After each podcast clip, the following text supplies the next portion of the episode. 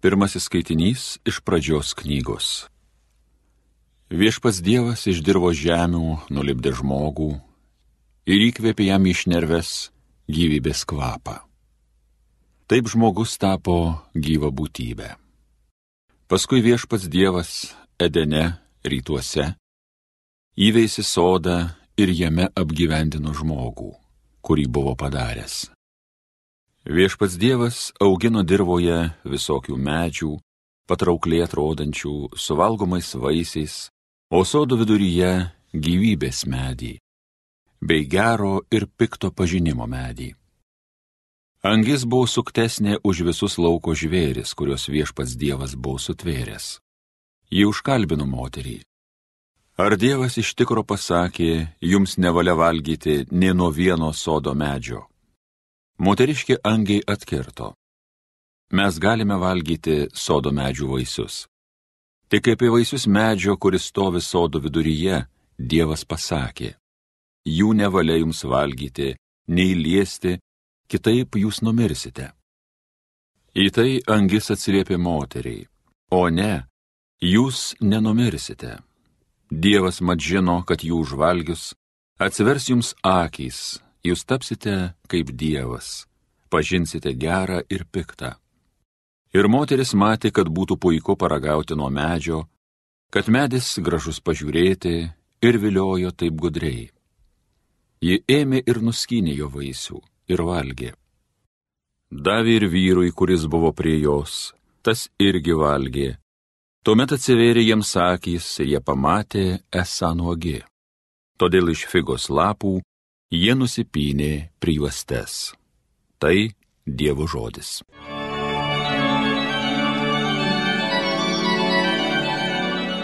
Pasigailėk mūsų viešpatie, mes esame tau nusidėję. Pasigailėk manęs Dieve, tu didžiai gailestingas, gerumas tavo beribis, naikinki mano kaltybę. Grinai nuplauk mano dėmę, numazgok mano kaltę pasigailėk mūsų viešpatie, mes esame tau nusidėję. Aš savo kaltybę pažįstu, man visakyse mano nedorybė. Aš tau tik tai tau esu nusidėjęs, dariau, ką laikai tu piktybę. Pasigailėk mūsų viešpatie, mes esame tau nusidėję. Sutverk širdį man tyrą, o Dieve, mani nepalaužiamą dvasę atnaujink, vai neatstumki manęs nuo savojo veido, prarast tavo šventąją dvasę neleiski. Pasigailėk mūsų viešpatie, mes esame tau nusidėję. Išgelbėk mane ir būsiu laimingas, padaryk mane didžią dvasį. Tu mano lūpose viešpatie būsi, manoji burna tave šlovins. Pasigailėk mūsų viešpatie, mes esame tau nusidėję.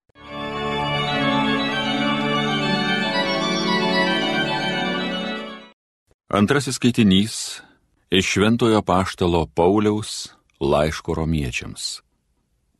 Broliai, kai per vieną žmogų nuodėmė įėjo į pasaulį, o per nuodėmę mirtis, taip mirtis prasiskverbė į visus žmonės, nes visi nusidėjo. Nuodėmė buvo pasaulyje ir iki įstatymo. Bet nesant įstatymo, nuodėmė negalėjo būti įskaitoma Vis dėlto nuo Domo iki Mozės mirtis valdė net tuos, kurie nebuvo padarę nuodėmių, panašių į nusikaltimą Adomo, kuris buvo būsimojo provaizdis. Bet netaip yra su dovana kaip su kalte. Jei dėl vieno žmogaus nusidėjimo turėjo mirti daugelis, tai dar labiau Dievo malonė ir vieno žmogaus Jėzaus Kristaus malonės dovana su kaupu atiteko daugybei. Ir netaip yra su dovana, kaip su vieno žmogaus nusikaltimu. Juk teismas virto pasmerkimu dėl vieno kalties, o malonė iš daugybės nusikaltimų atvedė iki nuteisinimo.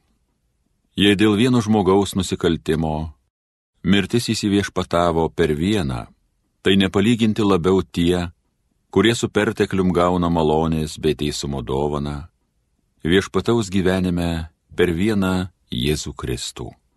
Taigi, kaip vieno žmogaus nusikaltimas visiems žmonėms užtraukė pasmerkimą, taip vieno teisus darbas visiems laimėjo nuteisinimą, kad gyventų.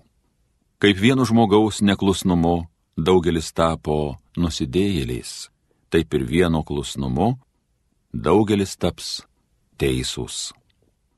Tai Dievo žodis. Garbė ir šlovė tau viešpatie Jėzau.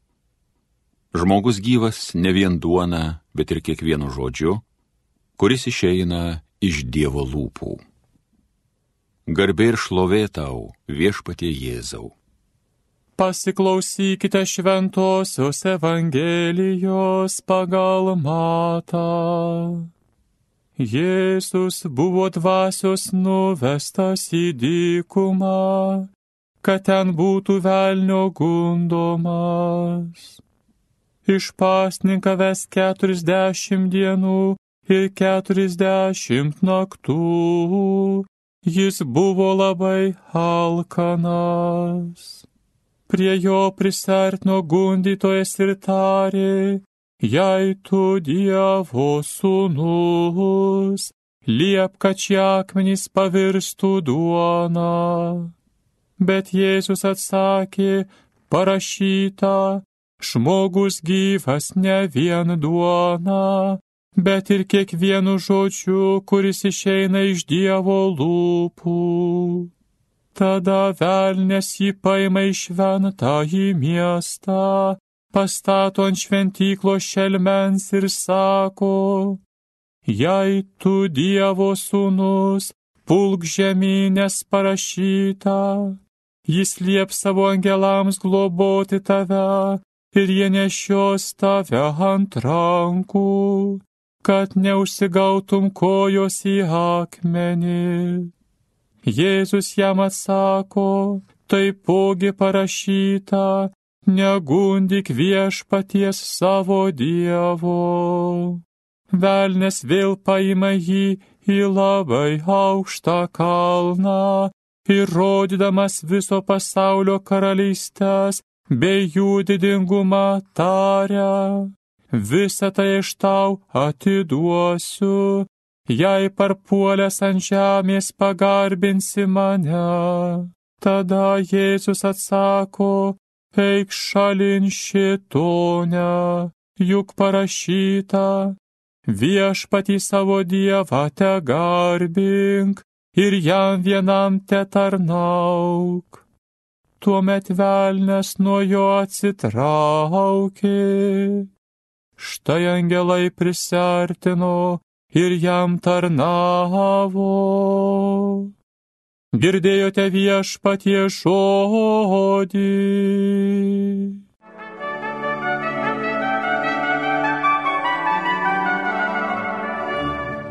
Mėly Marijos radio klausytojai, Jėzaus gundimas yra mums pavyzdys, kaip nugalėti pagundas.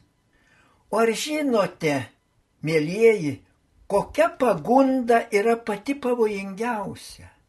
Atsakysiu, nešioti kaukę, gyventi su kaukė žmogui yra pavojingiausia.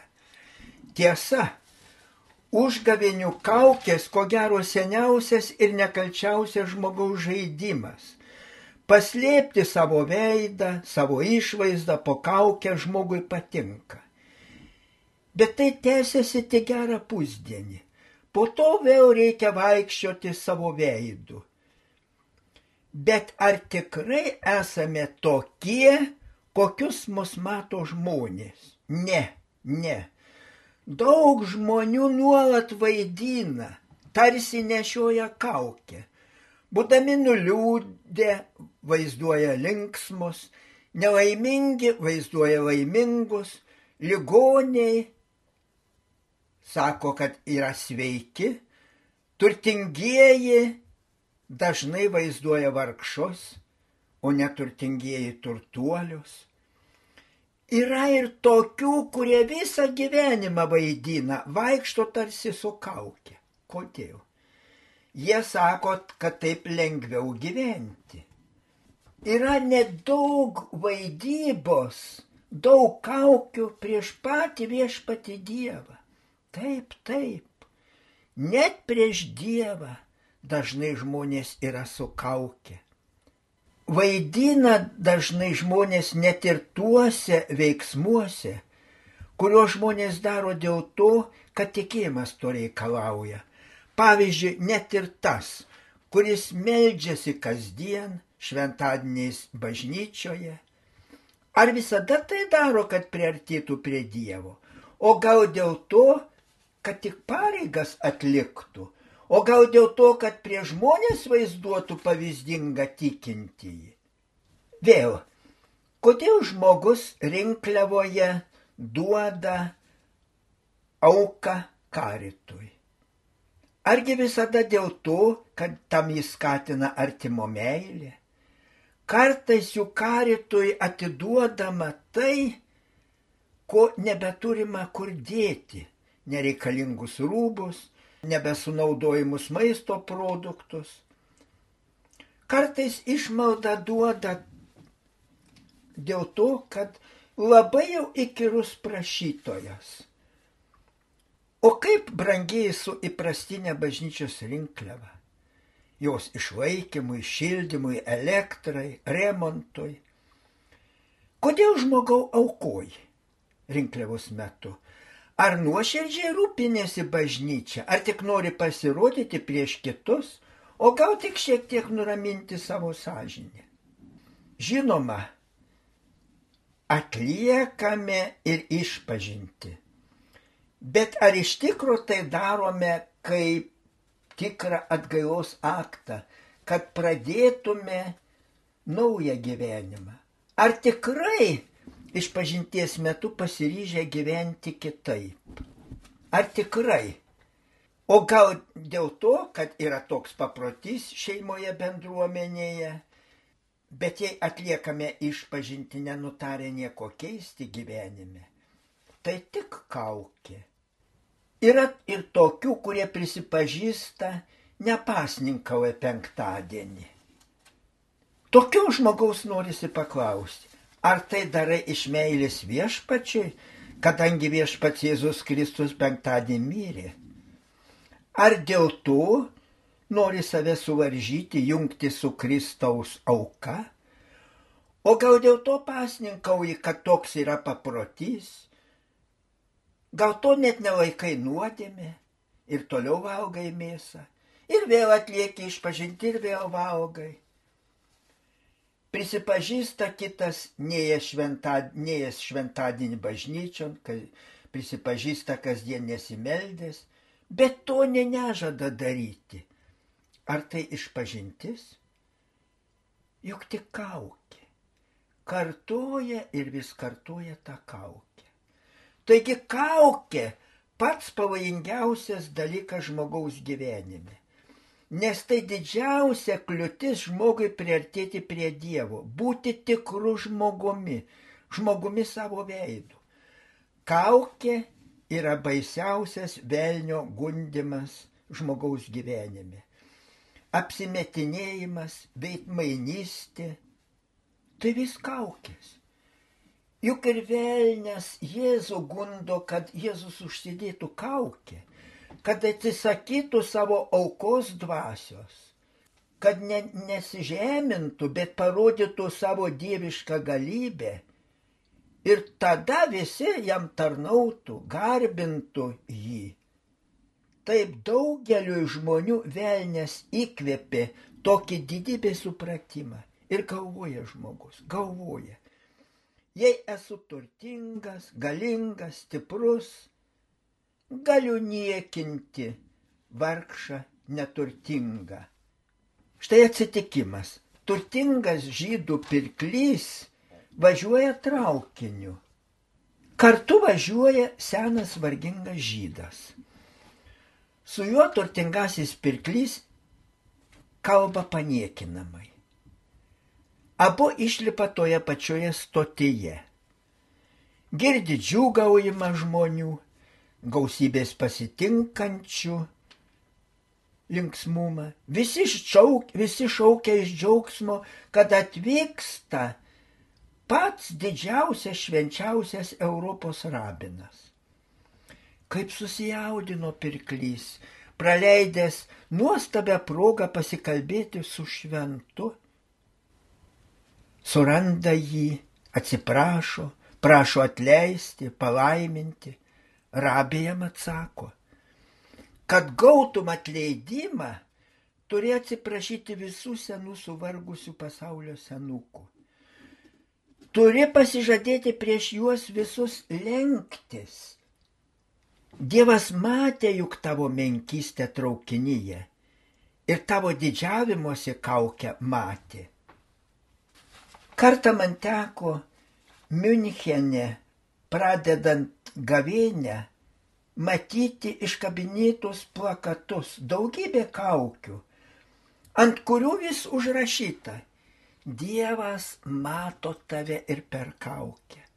Taip, taip, bažnyčia kalbėdama apie Jėzaus ir pirmo žmogaus gundimą, primena, kad norint būti tikrų žmogumi, reikia nusimesti kaukę. Reikia apvaldyti save, reikia nugalėti savo silpnybės. Ne tik mėsos atsisakyti penktadienį, bet ir sočiai neprivalgyti. Be to yra ir kitokių galimybių gavėnios pasninkui. Pavyzdžiui, atsisakyti interneto, radio linksminančios muzikos, televizijos laidų atsisakyti, ypač menkaverčių, tuščių laidų, skatinančių žiaurumą, nedorumą, atsisakyti rūkalų, alkoholio, saldumynų, o tai, kas sutaupyta, atiduoti vargingesniam. Ir svarbiausia, kasgi svarbiausia, nustoti save vaizduoti pavyzdingu, pamaldžiu tikinčiu. Neužtenka tik lankyti bažnyčią, melstis. Reikia nusimti tą vaizdavimosi kaukę. Ir tai daryti nuoširdžiai, pasikeitimo dvasia, aukos dvasia, priartėjimo prie Dievo dvasia. Tikra auka, laisvas atsisakymas dėl Kristaus, ugdo žmogaus dvasia, priartina prie Dievo. Tik auka parodo, kad Dievas yra žmogaus tikslas. Amen.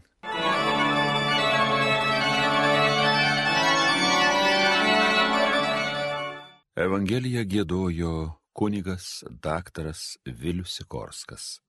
Homilyje sakė panevižio vyskupas emeritas Jonas Kauneckas.